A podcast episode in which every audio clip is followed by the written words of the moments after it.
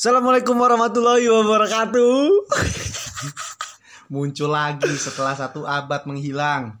Ini udah mau ulang tahun loh podcast Dokem. Kita baru bikin podcast Terakhir lu inget bulan apa? Gue tanya. Kalau tahun yang lalu. Hmm, ntar gue coba ya. Iya, Bung. Iya, sebelum lu nyungsep. Ntar dulu ke situnya. Pokoknya itu terakhir bulan Agustus sebelum ke Malang so gua. Sebelum gua ke Malang tuh. Iya, iya. Itu bahas LGBT. Tapi di kosan ini ya. Di kosan bapak. Iya, kosan ini cuma baru sekali itu. Iya. Memang ini kosan ini nggak tahu kenapa tidak produktif. Ya mungkin memang karena kosannya lebih nyaman ya. Lebih nyaman, memang lebih PW apalagi sekarang ada kulkas kan, Iya. lebih dingin. Jadi kita udah nggak pakai kipas angin lagi. ya, kulkas Kulkasnya aja. dibuka. Itu bikin adem seruangan. It's small thing aja kan itu hal yang kecil dibuka aja Ya, kulkas. Orang pakai AC kita pakai kulkas gitu. Hidup simple aja lah. Simple lah, nggak usah di. Tapi benar loh kita hampir satu tahun ya. Lu kenapa sih cengar cengir mulu kalau berat. Emang gue begini. Allah. Tapi emang gue sendiri merindukan. Apanya? Untuk podcast, Bung. Bohong, bohong. Serius. Lu- sangat merindukan. Sebelum gua kecelakaan, terus masa gua setelah kecelakaan, gua udah beberapa kali ngajak lu untuk podcast. Cuma memang lu banyak komunitas yang perlu di ini sih. Yang perlu di apa namanya? Dirawat. Dirawat, Iya. dirawat. Jadi mungkin waktu untuk podcast tuh susah. Iya, iya. Agenda komunitas emang kadang bentrok, Bung. Ya dulu kan, sekarang gimana nih? Masih bentrok Ya, kan? kadang masih ada juga agenda-agenda Hmm. Apa organisasi gitu, Oh, gitu. komunitas. Tapi gue lihat sih pasif sih, lu akhir-akhir ini tuh nggak. ya begitulah. Kira ya kan. Tapi yang jelas Tapi kabar lu gimana nih? ya Enggak, Jako. Sih kita eh, apa kabar gue sih sehat ya. Hmm. Fisik sehat, cuman memang pikiran lagi banyak urusan. Hmm, jadi pikiran yang memang Ya. agak kurang kurang bukan kurang sehat ya apa? Lagi ada beban. Agak sedikit stres lah mungkin ya, Ya, dapat kan. tekanan lah kan. Karena memang Pekerjaan berarti. betul kerjaan dan apa urusan-urusan lain ya, Oh, faktor X. perkuliahan. Iya, gitu faktor kan. itu berarti faktor X juga kan yang ya mempengaruhi. faktor-faktor itu yang mempengaruhi banyak eh, membuat pikiran gue ini cukup berat ya belakangan ini. Mantap. Emang faktor Tapi ya X-nya sekarang sudah sudah teratasi lah. Oh, perkuliahan kan? Ya semua sudah mulai ketemu jalannya, Bung. Oh. Kerjaan sudah kelihatan selesainya di mana. Oh, oke oke oke ya gue baru gue baru nangkap gue baru nangkap ya. Mau selesai di mana? Lu kenapa sih malam-malam gini udah pikirannya tuh lalit? Enggak butuh lalit karena kan udah lama nggak podcast jadi bingung aja tektokannya gimana gitu. Oh, jadi ada- harus ada perlu apa? per- perenggangan gitu. iya stretching kalau kata orang tuh stretching. Kata saya umam. Umum lagi disebut. Jangan dong. Kita hari ini malam ini mau bahas apa sih berarti Jak? Mengalir aja kok. Oh mengalir. Mengalir aja, Mengalir udah. aja. Karena emang ini kan kita baru bikin For the first time lagi. kan. Ya, For the first time. for the first time lagi. Tahun lalu tanggal 24 Februari ya, first time tuh. Oh iya, iya ya pertama iya. Nah, Udah mau pertama kali setahun. podcast kan. Hmm. Itu kita 20 Februari first time. Nah, sekarang udah Februari lagi first time lagi. Orang mah ya kalau udah satu tahun tuh karyanya udah berapa bu? Iya. Baru 13 sampai 12 lu mah bener-bener. Itu tiap minggu juga hitungannya enggak ya? Setahun kan berapa 52 minggu. 56 apa? Ya, Iya. ini cuma 12 bung. Lu Iya. bayangin tuh. Itu produktif sekali kok. produktif. Padahal awalnya kita tuh semangatnya pengen bikin tiap minggu nggak putus gitu. Tapi kan ya apa daya lah kita kan ngejalaninnya ya mengalir aja lah. Kalau kata lu bilang mengalir aja. Yang penting semangatnya masih menyala walaupun remang. Iya. Ya, kan begitu. Nah, apa yang unik nih Jak? Biasanya kan kita sering apa namanya menangkap fenomena-fenomena yang unik yang baru apa timbul dua minggu atau satu minggu kebelakangan ini gitu kan banyak nih enam bulan banget. masa nggak ada yang unik Iya. terakhir tuh yang unik Akiditio Berapa sih 2 triliun nih? Sumbangan buat Covid. ya 2 triliun. eh buat covid emang buat covid Iya ya? buat Covid di Sumatera Barat kok. Sumatera Selatan Sumatera Selatan Palembang dia. ya Ah, sumbangan buat pemberantasan corona. itu tuh pak yang momen lucu tuh sebelum Iya. kita freeze bikin podcast kan Iya, itu kan katanya ada penyerahan ya Hmm. di depan pejabat-pejabat daerah Cuma ternyata duitnya nggak ada. Dan dikasihnya juga kayak hadiah lu menang 17 Agustus. ya. Pakai styrofoam. Gabus. Iya. itu yang kita bahas sebelumnya. Tapi ya sekarang ada kaitannya juga tuh, Bung.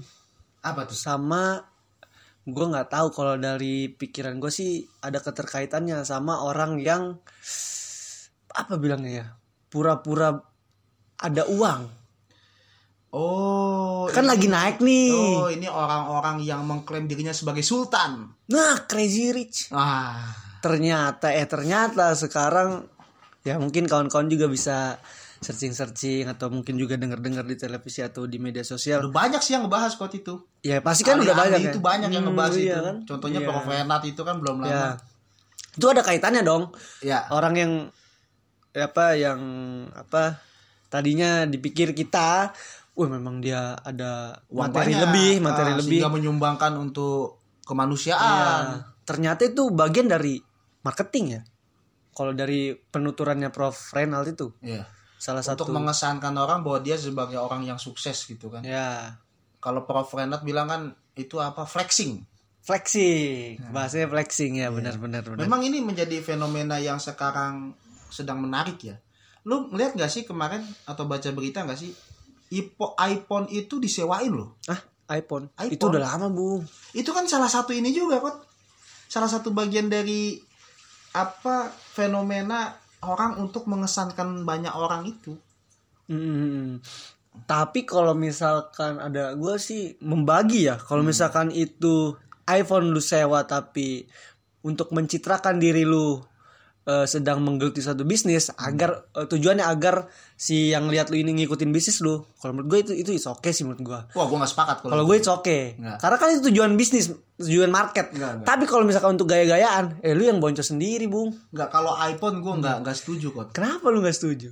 Karena iPhone itu bukan suatu hal yang prestis menurut gua di kalangan Menurut bisnis kau, menurut kau. dulu kan dulu Oh, iya, itu, iya. itu itu itu bukan hal yang prestis Ya. banyak kok pengusaha yang HP-nya HP jadul Mm-mm. atau Android Android lama dan mereka biasa-biasa aja karena itu bukan yang mengesankan kecuali memang kalau yang yang mem- membuat untuk mengesankannya itu misalnya mobil mewah kalau itu salah satunya. bisnis, untuk bicara itu bisnis salah ya. satunya.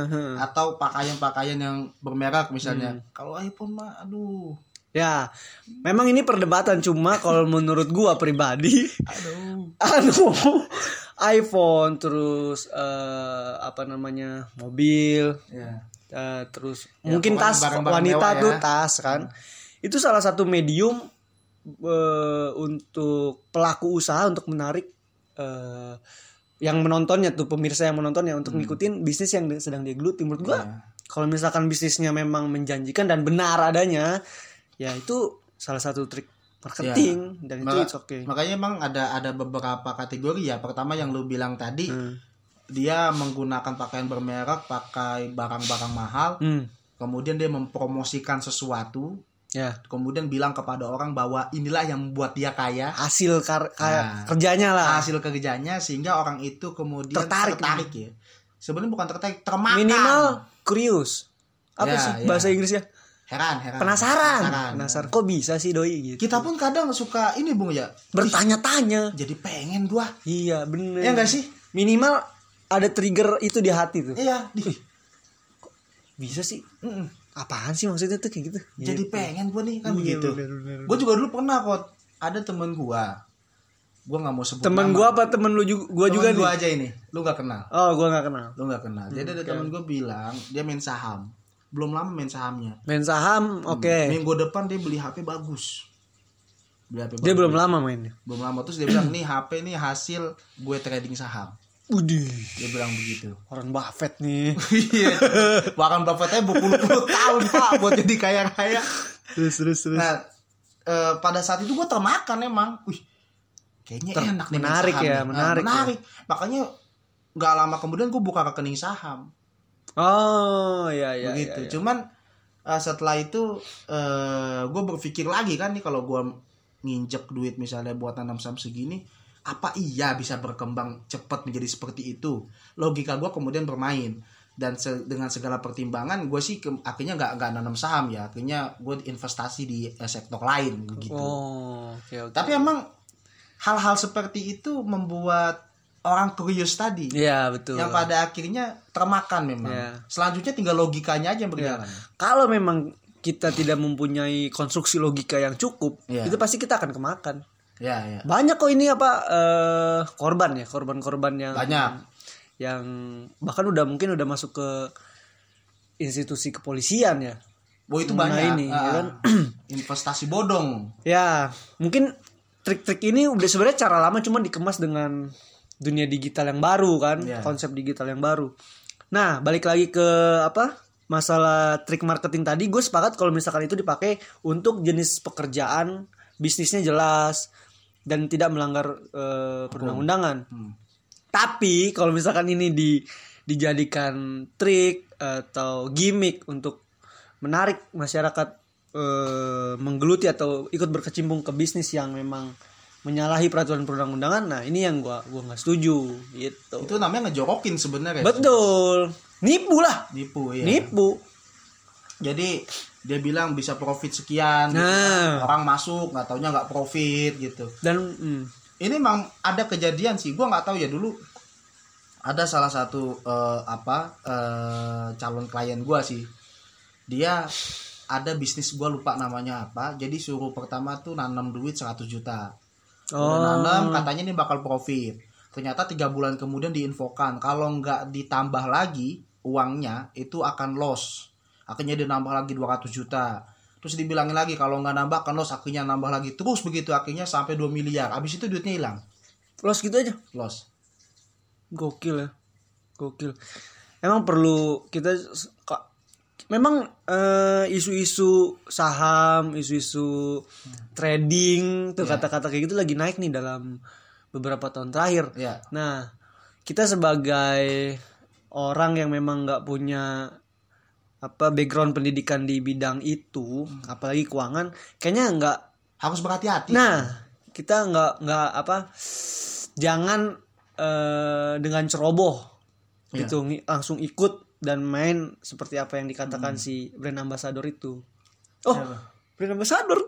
Oh Oh bukan. yang itu ya belakang belakangnya namanya keran ya. Oh, Keran. gua nggak tahu dah bung. Ah lu pura-pura nggak tahu. Ya ini kan yang gue baca fenomena aja, tapi kan Oh. ke ke Subjeknya enggak ya? eh, ya bingung lah. Mungkin kawan-kawan lah bisa menjelaskan apa yang kita bahas ini. Tapi itu kan tadi satu ya eh, satu kategori orang yang berpenampilan mewah, kemudian dia bilang ini hasil dari kerja dia agar orang itu ikut kerja dia gitu kan. Tapi ada juga orang yang dia berpenampilan mewah untuk membuat orang itu yakin bahwa ker- Kerjanya bagus. bagus. Ah, ini bicara dengan pekerjaan yang bergerak di bidang jasa kalau menurut gue. Ya. Tapi kalau untuk poin ini gue setuju kok. Setuju, gue setuju. Kayak misalnya contoh Hotman Paris lah. Ya. Hotman Paris pakai cincin berlian ya kan, pakai sepatu mewah, jas branded, dasi bagus. Tujuannya dia tuh untuk mengesankan orang. Ya ini trik marketing, Bung kalau menurut gue. Ya, Salah satu trik marketing. marketing. Dan emang Dan ini kan cara ya, maksudnya cara. memang kalau jasa itu menjual jasa, kita nggak bisa nyodorin produk orang kemudian beli nggak bisa. Ya. Itu sulit, itu butuh pendekatan yang apa eh, cukup memakan waktu. Kemudian banyak hal-hal lain yang kita lakukan gitu kan, itu pendekatan jasa. Lu tau gak sih agen asuransi? Mm-mm, Tahu? Gue pernah dapat cerita loh, agen asuransi itu harus bisa main golf. Oh, karena eh Dia untuk mendekati pangsa pasarnya ya, orang-orang yang ya ya, ya orang ya crazy ya, rich ya, itu kan ya. pada main golf. Dia harus Iya. nimbrung sama mereka. Setidaknya menyamakan style apa hobinya lah Iya. bisa ma- Oh iya iya iya iya iya. Ya masuk masuk masuk. Jadi eh, kadang juga pekerja di bidang jasa tuh bagaimana cara kita untuk menstimulus eh pikiran si calon. si calon klien gitu kan. Wah, tampilannya bagus. Iya. Terus mobilnya bagus. Iya. Cara ngomongnya bagus. Nah, itu kan dia akan mengkonstruksi sendiri nih apakah gua layak pakai dia atau enggak gitu. Iya, iya, iya. Menarik. Lantas yang eh, yang jadi pertanyaan kalau misalkan lu compang camping, lu lusuh, Iya. terus lu bilang gak bawa karya apa jasa lu itu bagus ya wajar kalau dia mempertanyakan nantinya. Dia akan pertanyakan siapa yang pernah pakai lu kan gitu. Iya, benar, itu. benar benar benar. Tapi Jadi, emang nah, kenapa? balik lagi ke masalah investasi tadi, Bro. trading-trading. Memang sekarang kan banyak sekali iklan atau kampanye ya yang apa mengajak anak muda anak muda itu melek finansial. betul banyak Nah, banyak jadi suruh memporsikan uangnya itu ya untuk disisihkan ah, saham, terus reksadana, obligasi dan sebagainya. Sehingga kalau kita ngeliat fenomena sekarang kan banyak teman-teman kita tuh kadang di IG kan ngupload-ngupload Iya. apa udah kayak Warren Buffett bung bener kayak udah job be aduh ngeri bung Coba gimana? Lu cerita gimana pendapat lu? Bu? ya eh beberapa bulan kemarin sih ada tuh temen gue tuh yang ini salah satu trading ya kon Oh, apa trader. trader dia bilang sih trader Wih, ya. hebat juga anjir. dia sih bilang beberapa kali untung beberapa kali untung cuma sekarang sekarang nggak kelihatan lagi kabarnya dan ternyata platformnya sedang bermasalah Terus duitnya gimana? ya masa gue tanya gue DM boy gimana itu boy tapi kemungkinan besar sih kita tahu lah akhirnya kayak gimana kan mereka mereka itu Tapi emang itu jadi fenomena yang cukup menarik juga ya. Menurut gua sih itu salah satu salah satu fenomena flexing juga. flexing Mm-mm, flexing juga. Jadi mereka menunjukkan ke oh banyak orang bahwa mereka ini trader sukses gitu kan. ya Atau pemain saham yang bonafit gitu, Bung. Belum lagi kalau cryptocurrency gitu kan. nggak sombong aja sih kayaknya dia Hah? dia flexing untuk siapa Ya flex, itu flexing itu kan bagian dari sombong, Bung. oh iya iya iya Menunjukkan ya, kan, mengesankan orang, mengesankan, Mengesankan orang. iya, iya. Seorang trader sukses ya kan. Cuman kalau menurut gua sih ya, kalau gua gua juga eh, pengetahuan trader sukses gua- tapi platformnya begitu anda tertipu selama ini Cuman Mana pengetahuan gue emang mengenai investasi itu minim ya, sedikit ya. Tapi yang gue tahu Warren Buffett itu untuk menjadi seorang triliuner dia kan akadem akademisi juga kan kalau nggak salah akademisi, tapi memang untuk mencapai ke tahap sana dia itu butuh waktu yang sangat lama. ya Atau kita bicara biografinya investor terkenal Indonesia tuh LKH itu. Dia juga butuh waktu yang sangat lama. Jadi menurut gua siapa pun yang menawarkan kekayaan instan itu udah patut pasti, dipertanyakan pertama pasti jurang itu. Iya benar benar Dijorokin ke jurang. Yang kaya yang afiliatornya yang kaya. ah afiliator maksud apa lagi nih terms apa lagi itu Eh coba dong jelasin dong afiliator apa itu. ah, wah gue kan baru tahu dari lu Ah lu masa sih? gue taunya brand ambasador Kalau dulu ketiwau ketiwau. ketiwau jadi ya itu merupakan pembelajaran lah untuk ke depannya kan Iya iya. Eh, beda dari financial planning kok. Yang financial planning tadi.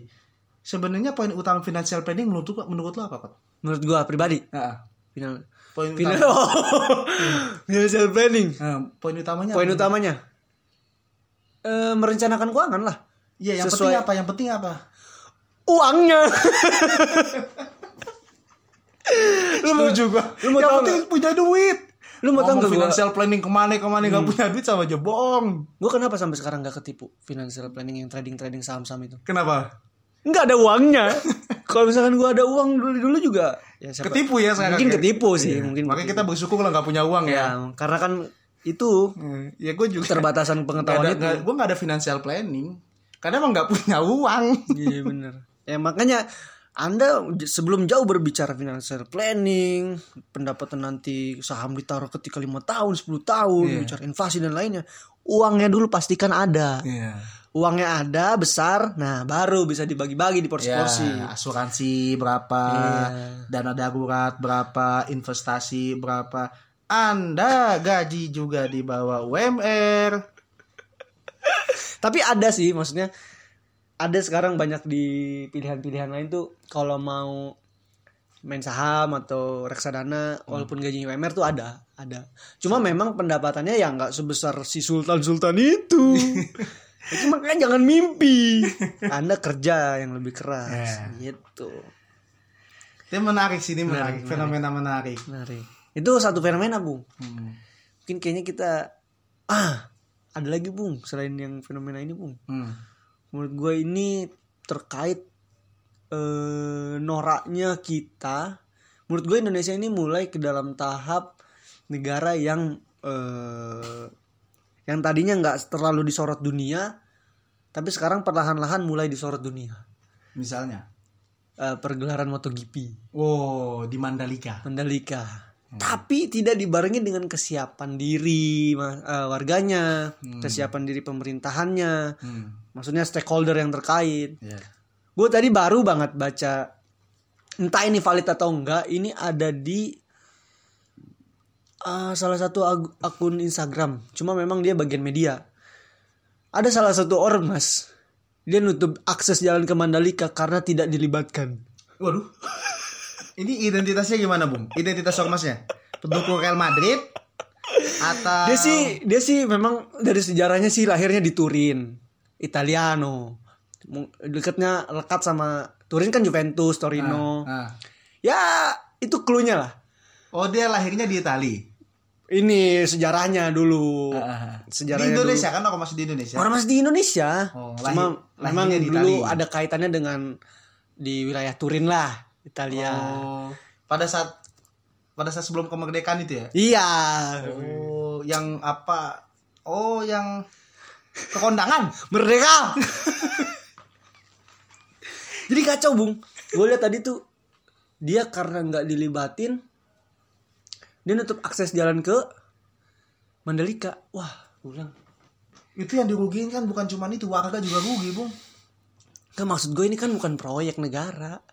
Iya. Ini tuh acara, acara resmi internasional.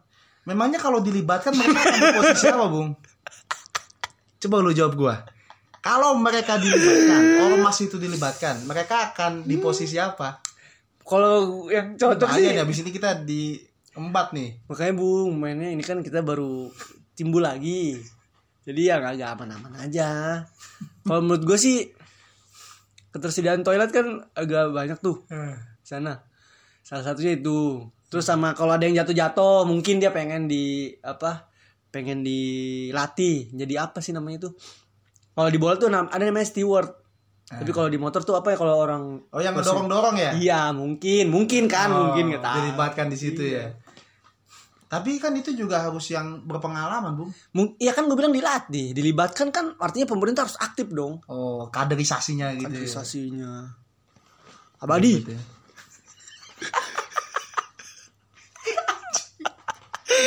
itu udah menjurus sekali Anda. Maksud gue, maksud gue nih pergelaran MotoGP itu memang timeless, abadi gitu, disukai sama setiap kalangan kan. Gue dari kecil, bung. Jaya. Gue beda, anda itu gimana mulai merembet-merembet ke yang lain anda ini. itu menarik. ya. Menarik kan itu, menurut gue tuh Tapi ada nggak eh, rider MotoGP-nya yang mengomentari itu, Bung? belum baca utuh sih gue tadi tuh. Tapi kaget aja gue, wih, kok ini mulai sewenang-wenang gitu kan. Iya. Pernah juga dia kan minta pindah ke ibu kota baru. Ininya, pengurus itunya. Oh, minta juga. Iya, gue bilang apa kaitannya ya? Iya, kayak tali kan itu gitu. Tapi lu bayangin gak sih kalau orang MotoGP itu ngelihat mereka pada saat memblokir jalan, mereka kan pakai seragam ya. iya. Terus orang MotoGP akan ngelihat ya Oh, kan. ini ada nobar. Apaan sih mereka ya kan? What are you doing? Lu bayar. Tapi nah di satu sisi lagi Indonesia ini menurut gua dia lebih natural dalam menampilkan wajahnya. Hmm. Yang pertama, memang infrastrukturnya di sekitaran Mandalika kan belum didukung secara baik ya. Iya. Warga-warganya tuh maksudnya penginapan si rider dan Iya. lain-lain nggak nggak kayak di Eropa lah gitu. Iya, iya, nggak iya. atau at least nggak kayak di Malaysia mungkin. Iya, iya. Jadi masih kayak perkampungan, Bung. Ibu-ibu bawa motor berlima sama anaknya naik Oh, sekolah. kele- ngelewat itu rider Ya, itu. Terus si para rider tuh beli pulsa di Oh, counter-counter. iya. Jadi kayak natural aja gitu. Iya, iya. Itu salah satu Tapi menurut gua sih itu salah satu Keunikan. identitas Ya, Bung. ya. Identitas. Jadi ada ada yang original, OG, Iya, OG. iya. Iya, gitu. Kayak mereka emang kan suasananya suasana asri ya, alami ya. alami. Tapi itu menarik tuh, apalagi si counter pulsa itu kan dia bisa mengklaim bung si Alex. Iya, bisa dipajang di fotonya kan. Alex Quartaro siapa? sih? Fabio Quartararo. Fabio Quartararo pernah beli pulsa di sini. ya, kita sih dukung-dukung aja ya. Maksudnya biar Terus juga gue kemarin tuh baca sempat baca uh, berita yang snapgramnya si Fabio apa Alex ya. Hmm. Dia motoin ini bung, apa bensin eceran. Nah, iya, iya, iya, iya. iya. Mungkin dia kaget kali ya. Apa sih bilangnya fuel? Fuel, full, Fuel full. Iya, fuel. Di sini coconut, di sini fuel. Iya. Gitu. Mungkin di Itali nggak ada di ya? Eropa, Eropa kan jarang kali ya. Maksudnya di sini jual kelapa, di sini jual bensin. Tapi ada gak sih bensin eceran di sana, Bung? Kayaknya nggak ada, Bung. Nggak ada. ya? Nggak ada, Bung. Nggak ada. Bensin eceran, counter HP gitu. Gue nonton di film-film sih nggak ada. At least di kita pernah ke, berdua ke Malaysia, Nah. Nggak ada kan? Bensin eceran iya. walaupun kita pernah itu ke KL kan kita. Iya. Nggak, Jakarta banyak dang. Apa eceran kan banyak. Banyak, kan? banyak. Di KL nggak ada kalau menurut. Singapura apalagi? Singapura mah bung itu mah nah habis ini dah kita bahas Singapura mah udah terlalu Modern ya? modern lah untuk dibandingkan dengan kita kita mungkin apple to apple Thailand sama Malaysia Vietnam lah.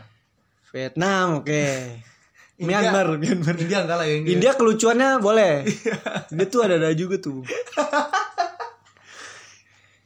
nah itu yang menarik soal MotoGP ketidaksiapan kita lah dalam menyambut event internasional Ya.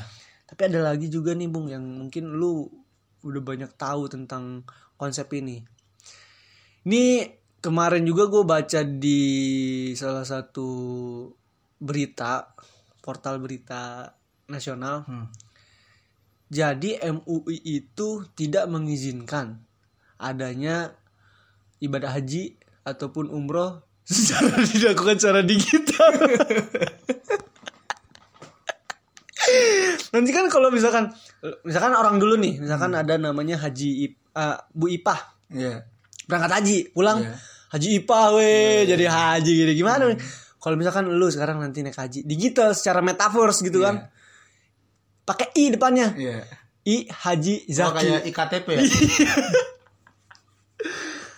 Itu juga perlu perlu di kita proyek kita tilik ke depannya nih. Bagaimana nih metaverse akan menjawab apa keberlangsungan hidup manusia ke depannya gitu kan. Tapi emang Kayak metaverse, mulai dari Bitcoin dan Iya. lain-lain. metaverse ini atau apalah eh, istilah yang kemarin Gozali rame itu NFT ya? Ya, itu gue nggak ngerti tuh. Ya, eh, itu memang kita sulit meng- menggapai itu ya dari segi Tapi secara konsep, lu Konsep. tahu.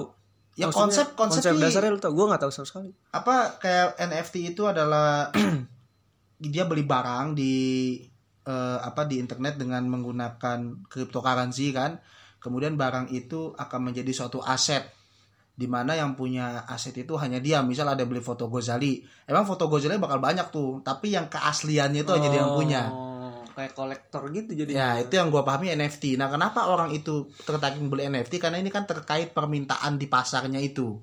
Nah kemarin foto Gozali kan naik kan, harganya naik. Jadi misalnya lu beli foto Gozali tuh yang NFT-nya, lu berarti pemegang aslinya kan. Kemudian ada orang yang nawar lagi foto itu. Oh, itu berkelipatan lagi. Ya berkelipatan akan terus naik. Memang secara pemikiran gak masuk di akal ya. Iya. Iya. Ngapain orang beli kayak begitu-gitu Kalau kan? kata Dedi tuh nilainya di mana? Ya, value-nya di eh, mana? Value-nya di mana gitu kan? Kalau Mona Lisa Ya. ada sejarahnya kan? Ya. Ada sejarahnya. Nah, itu Kalau ada kalau si Gojali ini Eh, nggak ada. salah ngomong gue. Maksudnya orang orang yang gak dikenal gitu kan, orang yang gak dikenal, Iya, nobody lah. nobody ya kan, terus tiba-tiba Kok bisa fotonya menjadi laku mahal. gitu kan? Yang padahal kata Gozali tuh dia awalnya buat lucu-lucuan. Iya, ya dia kan? juga kaget wah, kok habis gitu kan? Iya. Gitu. Nah, konsep metaverse ini gue juga lagi ngebayangin. Tapi kalau gue sih yang mengenai komentar MUI, MUI itu sudah tepat mengomentari demikian ya. Karena ketika MUI mengatakan misalnya haji lewat metaverse itu sah, ya orang ibadah haji itu udah nggak ada perjuangannya lagi kok. iya. Dari kamar itu udah bisa naik naik haji dong kalau Dia pakai begitu. apa sih kita tuh pakai virtual Eh, iya, reality iya. gitu, VR, Ya, VR. VR, VR, pakai VR. Jadi konsep metaverse gitu nanti ya. Ya, Kita kayak punya karakter ya Iya. di dunia itu. mungkin kalau kita bisa analogikan kayak main Sims ya, lu tuh main Sims nggak? Nah, tahu. Hmm. Kayak beli, tapi untuk belinya, untuk bikin rumahnya itu perlu Bitcoin itu kali ya. Ya, katanya sih gitu, beli Mungkin ya. lahan, beli tanah, Ini yang lagi disiapin sama face apa Mark Zuckerberg kan? Facebook. Makanya dia kan ganti perusahaannya namanya Meta, Meta, kan. ya. Tapi gua rasa sih ke depan ini akan jadi suatu isu yang besar sih Besar, menurut gua. besar. Karena orang-orangnya diisi sama orang-orang ambisius. Betul. Tapi memang eh gue juga meyakini itu dan mungkin ini halnya sama kayak HP ya, HP Android yang touchscreen. Dulu ketika kita megang Iya, Nokia atau BlackBerry betul. itu HP touchscreen itu mahal. kita bahkan gue dulu punya HP Sony Ericsson yang ah sorry Nokia yang biasa aja yang jadul Iya. gue nggak kepikiran bahwa layar itu suatu saat bisa bisa dipencet Ya. nggak ada kepikiran nah sekarang lihat yang kayak gitu oh jadi bisa ya dulu tuh. Dan ya pas dulu kan itu sempat mahal tuh yang touchscreen itu kan Nokia yang itu ya Nokia touchscreen itu kan. Nggak taunya beberapa tahun kemudian banyak sekali merek yang mengeluarkan HP touchscreen sehingga harganya itu terjangkau oleh semua lapisan masyarakat. Tinggal masyarakat memilih produknya yang mana. Itu yang bakal terjadi juga menurut gue di metaverse nanti. Mungkin harga VR itu sekarang tinggi ya, relatif tinggi kan. Dan orang juga kebutuhannya nggak nggak banyak sampai ke sana. Tapi nanti gue yakin VR itu akan terjangkau oleh semua lapisan masyarakat juga. ya ya ya, ya. Hmm, Cuman yang unik itu kemarin ada yang bilang bahkan nanti akan bisa mencium itu ya, apa? Mencium bau. Di metaverse itu kita bisa mencium bau kan. oh iya? Gue sih bacanya begitu, sampai bisa mencium bau loh. wih ngeri ya. Yang bahkan yang metaverse naik haji maksudnya metaverse naik haji. Metaverse- Metaverse TKJ Iya. yang, yang yang haji online itu. Ya ya ya ya sampai bisa nyium hajar aswad katanya baunya. Hmm, aromanya di Mekah tuh bisa kecium. Canggih ya canggih ya canggih canggih canggih. Cuma memang kan namanya ibadah haji kan perlu ada kehadiran fisik kok menurut gua. Nggak Ya, bisa nggak bisa dimanifestasikan secara digital kan. iya. masa kita di kamar lah baik Allah malah baik masa gitu. Tapi emang kalau bicara dari segi itu ulama-ulama Islam ini ke depannya akan dituntut untuk semakin berijtihad bung. Iya dan juga harus eh em, menganalisis apa irisan dengan dunia digital ini Iya. karena banyak hal-hal yang pastinya berbenturan dia harus meng- melebur dengan bukan melebur ya dia harus mengadopsi ya mengadopsi nilai-nilai modern tapi dia nggak boleh bertentangan dengan nilai syariat itu, Itu bukan, berat itu. bukan pekerjaan yang mudah menurut Berat ya, untuk ya. ulama-ulama Islam itu berat ya ya, pekerjaan mereka akan semakin banyak tapi emang kemajuan teknologi itu melesatnya me- Parah me- ya. melebihi segala-galanya parah semua ketinggalan kok semua ketinggalan kan teknologi itu depan kayak hukum pun ketinggalan ya kan Mm. Kayak Bitcoin aja pengaturannya sekarang belum jelas. Dia masih masuk di Bapeti. Perdagangan komoditi. Hmm, gue nggak nggak ini sih gue nggak ngikutin Kayak sih. kayak cryptocurrency itu. Dia belum ada payung hukumnya. Sedangkan transaksinya itu sekarang udah banyak banget. Bahkan udah ada yang melakukan penambangan Bitcoin itu. itu gimana ya gue juga bingung gitu farming farming gitu ah, waduh gue bener-bener ketinggalan sebenarnya Hmm. Cuman memang ya itu ya kalau gue saya gue juga pengetahuan gak terkait cryptocurrency minim juga. Cuman sharing dari orang-orang yang berpraktik di bidang itu memang bentuk asetnya itu nggak ada. nggak bisa kita pegang ya Iya, abstrak. abstrak ya Kalau emas kan ada komoditinya. Misalnya kita investasi emas, tahu kalau investasi emas di Pegadaian meskipun emasnya nggak kita ambil, tapi kan ada itu. Kalau kita mau cetak. Bitcoin kalau mau dicetak tuh bentuknya apa? iya benar iya benar benar benar Memang jadinya eh, kembali lagi kan value-nya di mana kalau orang iya benar value-nya di Value mana? di mana? cuma ada analogi dari eh, tuturan siapa gue lupa dia tuh salah satu eh, pemain cryptocurrency dia pertama kali di luar. Hmm. nah dia pengen bawa kebiasaan itu ke Indo. Dipertanyakan lah apa value-nya ini Bitcoin cryptocurrency dan lain-lain. Dibilang sih simple deh. dunia ini udah ber- udah mulai berubah. Sekarang anda kalau misalkan anda eh, pengusaha anda lebih pilih PT Gojek atau Bluebird? Pasti Gojek kan padahal dia nggak punya aset dia nggak punya mobil. Iya. dia nggak nggak begitu banyak. Ya motor. Tapi Bluebird ada asetnya jelas. Ya. ada mobilnya.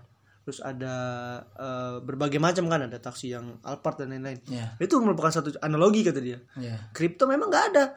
Cuma demandnya nanti kita lihat kata dia gitu. Iya. terhadap dunia digital ini dia bisa dia bisa beriringan kata dia gitu. Iya, iya. itu ana- analogi dasarnya. Walaupun memang kita juga harus perlu tahu nih ke depannya mau ke arah mana sih sebenarnya gitu Iya. Memang bakal unik juga sih ketika nanti misalnya di masa depan beli bakso pakai Bitcoin ya katanya. Ih, tapi udah mulai ada tukang bakso pakai kris sekarang Kris apa? Curious, curious. ya. Oh, QRIS. Iya udah mulai Barcode. ada. Iya barcode bung. Iya. Wah gue naik angkot aja sekarang baru tahu bung pakai tap ini Jack Linko Iya, demi iya. Allah. Pakai kartu ya. Iya Cashless pada cashless. cashless. Wah kata gue ini kemajuannya kacau banget ya. Hmm. Gue udah nyiapin duit tapi diminta ini gini kartu. Wih katanya ada di depannya pencetan. Wah gokil. Jadi nggak pakai nggak bayar ya nggak salah ya? RP 0 sih. RP 0 ya? Iya. Jack Linko itu Keren gua. keren sih keren. Itu salah satu fenomena yang baru-baru gue tangkap tuh. Padahal udah udah udah lama. Hmm. Udah lama. Cuma karena memang gue nggak ada motor, Hmm. gue ke sana jadi naik mobil. Udah tuh. Oh begini sekarang keren keren. Ya kita mungkin nanti di saat usia kita udah kepala empat ya itu dunia akan banyak perubahan sekali. Orang mobil terbangnya udah ada bung. Iya. Tinggal nanti aja bikin secara massal bingung kita. Iya. Kita kan ugal-ugalan bangsanya. Itu kan kalau kita ngelihat produk-produk itu hampir semuanya itu asing punya kan, Bung. Hmm. Produk semua itu asing, nggak ada karya kita kan. Rata-rata Rata-rata asing. sebagian besar lah. Betul. Nah, kalau kita tinjau dari pendidikan generasi muda Indonesia, gua ngerasa akan ketinggalan jauh banget ya terhadap kemajuan-kemajuan itu. Secara Pendidikan umum lah. teknologi. Ya, teknologi, science gitu kan. Kita kalau belajar-belajar itu kan ya dimulai dari basic kayak gitu yang Iya. kalau di sekolah-sekolahan tuh. Terus di proret ya, maksudnya Ya di, semuanya pukul rata gitu, nggak dipisahin ini ahlinya di sini, ini ahlinya di sini, ini ahli hukum, ahli matematika, Iya, ahli fisika. Kita kan proret semua. Nanti pada saat kuliah baru dia tuh pusing mau ke mana kan, Iya, iya, iya. pas lulus SMA. Nah, kalau gua baca sih kita ini sangat jauh tertinggal ke depannya. ke depannya. Sampai Bahkan sekarang. kalau bicara eh, apa perusahaan atau eh, bisnis-bisnis yang sudah maju, mereka itu bahkan sudah mempunyai lembaga pendidikannya sendiri kok. Hah, maksudnya?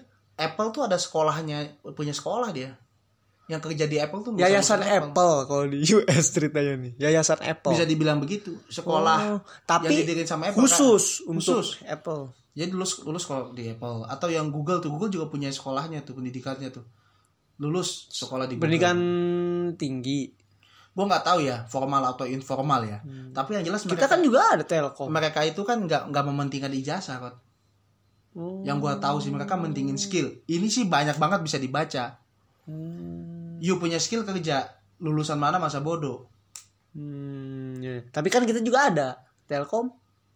Ya mungkin STTPL. semacam itu ya. Cuma kan itu eh, yang bidang-bidang ini ya, pok apa ya, bukan primary ya. Kalau misalkan kayak Google itu kan terus Iya, eh, iya. yang lain-lain kan kayaknya Iya. bagian tersier gitu. Ya ya ya ya. Contohnya Gojek misalkan dia punya sekolah gitu. Iya. Kan gitu kan maksud lu. Kurang lebih Ya, begitu. Hmm. perusahaan-perusahaan gitu kan. Jadi ini orang-orang akan didik langsung to the point gitu mempelajari to the point. Iya. Nggak proret macem-macem ngawang-ngawang. Ya ya ya. Paham paham. Ya itulah. Kok eh, dunia digital ke depannya bakal eh, membesar dan semakin meluas dan mempengaruhi kehidupan kita ya kan. Iya. Hmm, mengalir ya, mengalir. Itu kayak hidup, Bung. Kayak hidup. Gimana nih? itu ada dua konsep juga tuh kalau masalah bilang mengalir kan Hmm.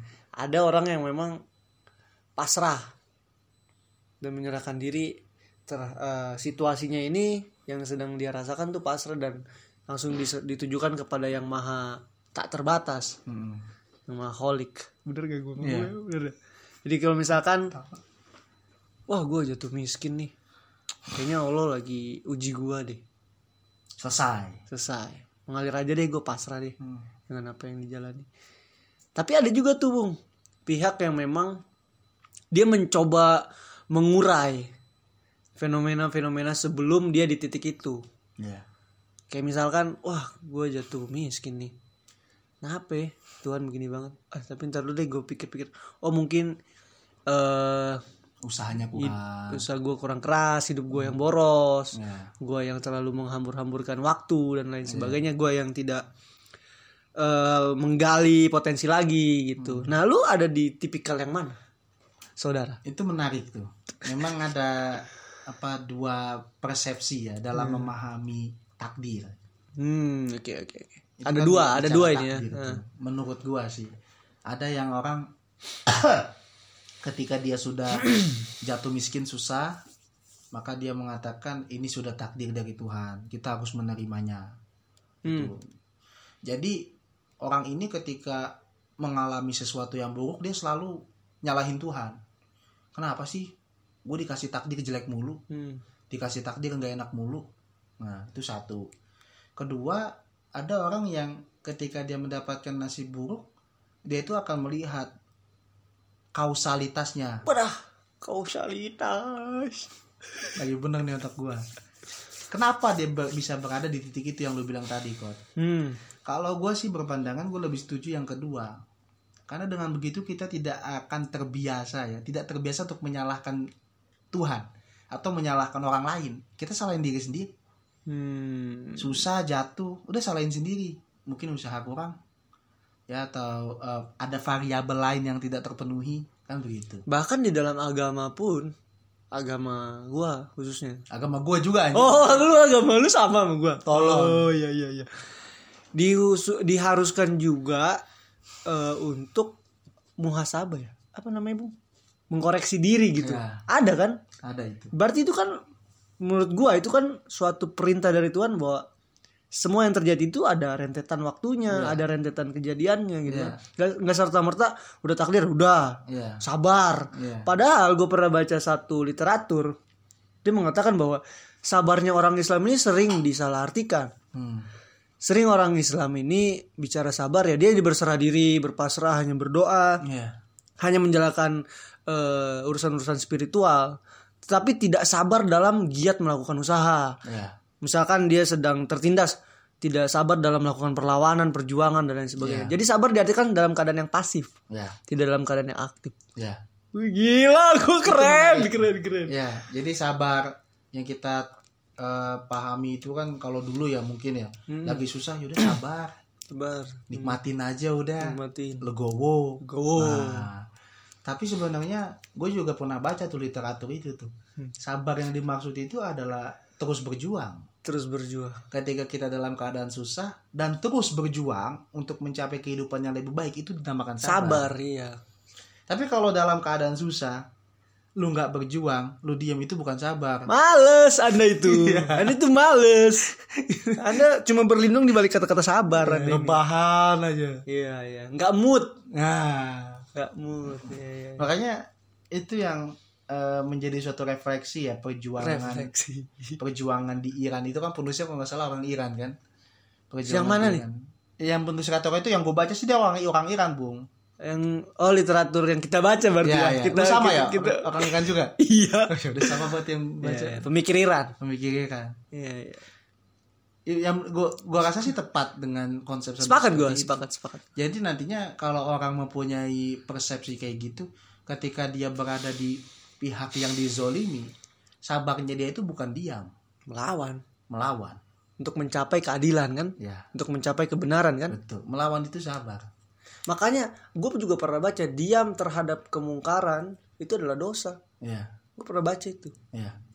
Makanya ke sekarang ini yang mengenai ada gerakan wadas melawan itu merupakan suatu bentuk Menarik. kesabaran. Menarik, Bung, menarik. Itu Menarik. merupakan suatu bentuk kesabaran, Kot. Itu bukan bentuk apa namanya pemberontakan bukan. Bukan. Tapi wadas melawan itu adalah bentuk kesabaran dari orang-orang tertindas untuk melawan oligarki. Ah. itu merupakan kesabaran warga-warga Wadas untuk menjaga lingkungannya. Iya. Dari perusakan alam. Tetapi ini yang tidak bisa dibaca secara utuh oleh pihak-pihak kepolisian yang ada. Waduh, serius lu. Benar, Bung. Gimana? Kalau menurut gua sih benar.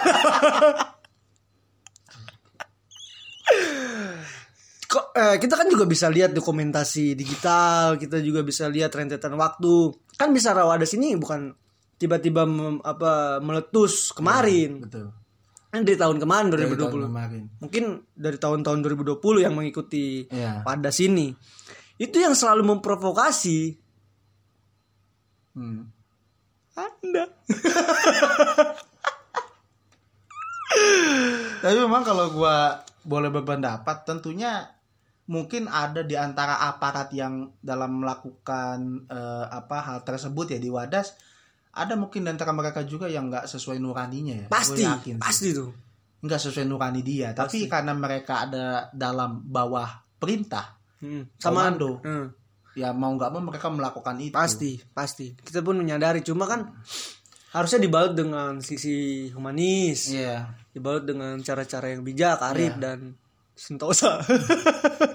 Tapi memang gue menyayangkan juga ya yang eh, sikap dari Pak Ganjar ya ini boleh dong sebagai autokritik kan Iya. bukan autokritik sebagai kritik autokritik gua dong kritik iya iya iya iya sebagai kritik anda ini kadang-kadang suka menambah-nambah terus Nah, dia kan kalau kita lihat Instagramnya itu, di Instagramnya itu Pak Ganjar bilang tuanku ya rakyat. gubernur hanya mandat kan Nah, seharusnya kan konsep itu apabila dituangkan berarti kedaulatan rakyat setingginya. betul Wadas itu kan bagian dari rakyat dia. Ketika ada penolakan itu harusnya diakomodir. Maunya gimana? Kalau Soekarno pernah bilang kan kekuasaan presiden itu ada batasnya Hmm. tapi kekuasaan yang paling eh, langgeng adalah kekuasaan rakyat Hmm. yang ini kan harusnya dijawantakan sama Bapak Ganjar kan yang sebagai anak ideologis Terlepas dari hal itu memang penggusuran secara paksa gue tidak setuju. Beda halnya dengan misalnya Tuban ya. Tuban Tahu nggak sih yang Tuban yang warganya itu dapat miliar-miliar? oh ya ya tahu tahu. Sekarang bingung mereka. Nah, itulah dia nggak bisa investasi duitnya. Nah, nggak ada financial plan. nggak ada. Waduh. Padahal duitnya ada ya. ada bung.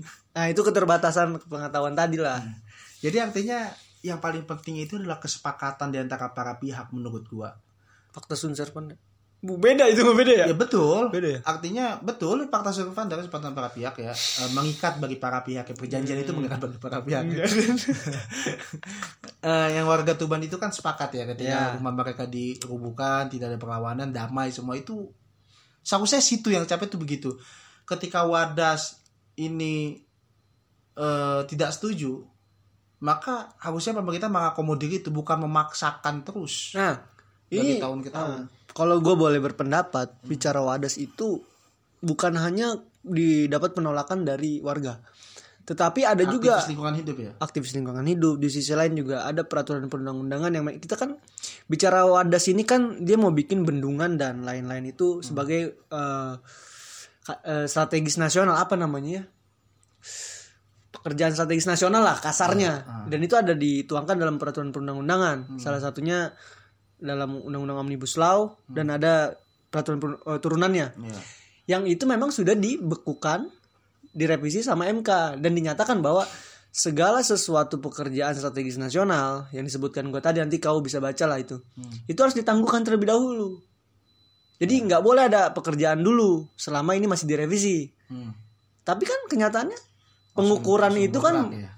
Bukan bagian pekerjaan. ya? iya ini kan yang yang bertolak belakang antara Dasolen dengan Dasennya Iya, iya. Terlebih Bapak kita, Bapak kita bersama Insinyur Joko Widodo mengatakan kepada Kapolda di seluruh Indonesia.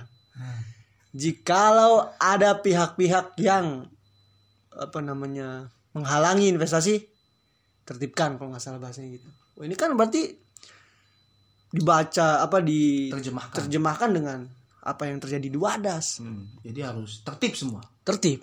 Nggak boleh ada ngelawan. Kayak kau kan dibilang coba itu ada ada di junior terus tertib. Ush. Berarti kan ka- kalau ada yang ngelawan, ringkus. Waduh. Berat sekali. Itu Tapi ada ada juga tuh ada perdebatan di Twitter. Memang ada salah satu pihak yang katanya, "Oh, ini provokasi aja nih bikin hoax, bikin apa." Padahal mereka di Polres senyum-senyum aja tuh. Ada yang main biliar katanya gitu. Tapi yang menjadi pertanyaan, kenapa di Polres ada biliar? Itu yang harus dipertanyakan. Dan apakah kalau mereka senyum itu menandakan tidak ada tekanan? Itu yang harus di Anda analisis gitu loh. Baca ini secara utuh. ya intinya sih kalau gue berpandangan eh kalau gue sih lebih melihatnya antara para pihak ya. Tuban kemarin damai kan jalan. Jalan. Kalau gue terlepas dari masalah lingkungan atau apa, kalau warga wadasnya setuju, menurut gue selesai. Iya. Itu tinggal adakan proyek itu. Tapi kalau warga wadas nggak setuju, itu Ya. tidak tepat ketika memaksa. Ini memaksa. Berarti kan boleh kalau misalkan sampai wadah apa warga wadah itu Warga berarti kan ada komunikasi lebih lanjut harusnya. Ya. mungkin warga Wadas merasa kompensasinya kurang. Ya kita nggak tahu. Kan bisa jadi. Kita nggak tahu. Berarti pemerintah harus menambahkan kompensasinya. Tapi yang gue baca dari gerakannya memang warga Wadas nih tidak ingin ada ada ta, apa eh, batu andesit di sana. Maksudnya apa sih namanya tambang andesit kalau nggak salah di sana. Nggak ada, nggak mau dia. Ya, itu kan hak warga Wadas Iya. yang telah mendiami itu. Ya, yang mendiami turun temurun ya di daerah sana. Hmm. Bahkan sebelum organisasi negara ini berdiri kan. Iya betul. Iya betul. Andaikan kalau kita bicara konsep negara mereka menjadi negara yang sendiri, Iya. ya semakin ya apa hak-hak mereka ini. Iya. Pokoknya gitulah gitu ngomong anjing. Tapi buat Pak Ganjar nih ada berarti ada dua. Kalau menurut gua ya kalau misalkan bicara kontestasi politik ke depan Ada ganjelan ya? ada ganjalan dua. Apa aja kok? Kendeng Oh, dan bener ya? Sih. Kalau Iya. menurut gua ini kacamata gua yang terbatas secara kalau kata Prof Edi itu keterbatasan Pengetahuan. pengetahuan. Hmm. Ya itulah mungkin kita kan Kalau bicara Ganjar emang dia akan banyak sandungan nih. kandungan ya. Tapi kalau Anies memang Jakarta ini kan memang sekarang penggusuran tuh jarang ya Bung ya sekarang. Apa masih ada sih? Penggusuran di Jakarta Heeh. ada Bung, pancoran. Udah udah terlaksana ya? eh kawan-kawan di temen gua ada kawan di Masih nahan nih? masih ada di lokasi sih maksudnya maksudnya masih kelas lah istilahnya. Oh, belum ada penggusuran berarti. Di Pancoran. sempat ada cuma nggak tahu gua kan gak ngikutin ya takutnya gua salah ngomong tapi ya, pada intinya masih masih bertahan mereka di sana Tapi emang kayak penggusuran di daerah gue juga di Tanah Abang itu di Martapura kan pernah digusur. Cuman warganya nerimo aja. Jadi gusur dibayar pada pindah ke Bogor, ke Tangerang, beli rumah di sana. Karena emang uang gusurannya juga lumayan besar. oh gitu Kalau gue sih melihatnya gitu, ketika warganya setuju untuk digusur, pemerintah bayar kompensasi, oke itu selesai. Tapi ketika warganya nggak setuju, ya nggak bisa dipaksakan. Harus dibikin setuju dulu, gimana pun caranya. ya ya itulah tadi hmm, pembahasan terkait podcast minggu ini ya Minggu ini. mengalir jadi Tapi beberapa minggu, tema kan tadi Minggu depan nih kita podcast lagi nggak? minggu depan kayaknya Kita se- libur sebulan lagi kayaknya. libur sebulan. Oke. Karena berhubung eh, rekan gue Moriarty akan melaksanakan operasi ya iya dalam nambah waktu jem- eh, jangka waktu dekat ini eh, mungkin podcast ini kita akan libur lagi. Libur lagi. Satu bulan. Ini juga gara-gara lagi pengen ngobrol aja ya. Nah, nah mungkin eh, apa sebelum tutup kita minta doa lah kepada rekan-rekan iya, gua- biar operasi lu jalan aja amin amin ya. amin takut gua bener setelah itu lu nggak ada masalah-masalah lagi Amin, amin, dari amin, amin, hasil amin. operasi itu ya ya ya makanya itu juga pesan buat kawan-kawan kalau naik motor tuh pelan-pelan lah kalau ngantuk tidur kan Iya. ya pelan-pelan lah nggak tapi usah kalau bicara takdir Hmm. bicara takdir pada akhirnya eh ini apakah sudah ditetapkan atau memang ada proses yang sebelumnya terjadi kok ada proses lah. Proses ada proses lah. Kan ada lalai ada Ya, apa itu ya. gua akuin lah. Ada itu lalai. itu itu yang pada akhirnya kita tidak menyalahkan orang lain ya. Iya. Itu suatu pembelajaran juga buat buat kita semua ketika melihat ada hal yang tidak ba- bagus dalam diri kita. Hmm. introspeksi diri adalah betul betul utama. betul betul. Ya minta doanya kawan-kawan semoga operasi lancar kehidupan Amin. ke depannya lancar kerjaan Amin. lancar semua lancar kita semua menjadi crazy rich Sultan. Indonesia. Sultan. Beli mobil tiap minggu. Ya gue nggak ngerti lagi dah udah. Oke thank you. Saya sehat semua. Stay safe semua. Om Rikon lagi oh naik. iya omikron. Kita ngomongin podcast tuh nggak jauh dari ini ya nggak jadi nggak jauh dari covid ya. Kayak isunya covid lagi naik lagi naik. Waktu itu gitu gua iya. Ppkm yang gua nggak bisa ke Jakarta tuh. Iya iya gila emang. Emang covid belum kelar-kelar. Dari kita bikin podcast ya? Sampai sampai ulang tahun pertama. Iya. Gila ya. Covid selalu jadi pembahasan. Iya bener-bener oke stay safe semua. Thank you. Assalamualaikum warahmatullahi wabarakatuh. Jangan lupa trading. Iya iya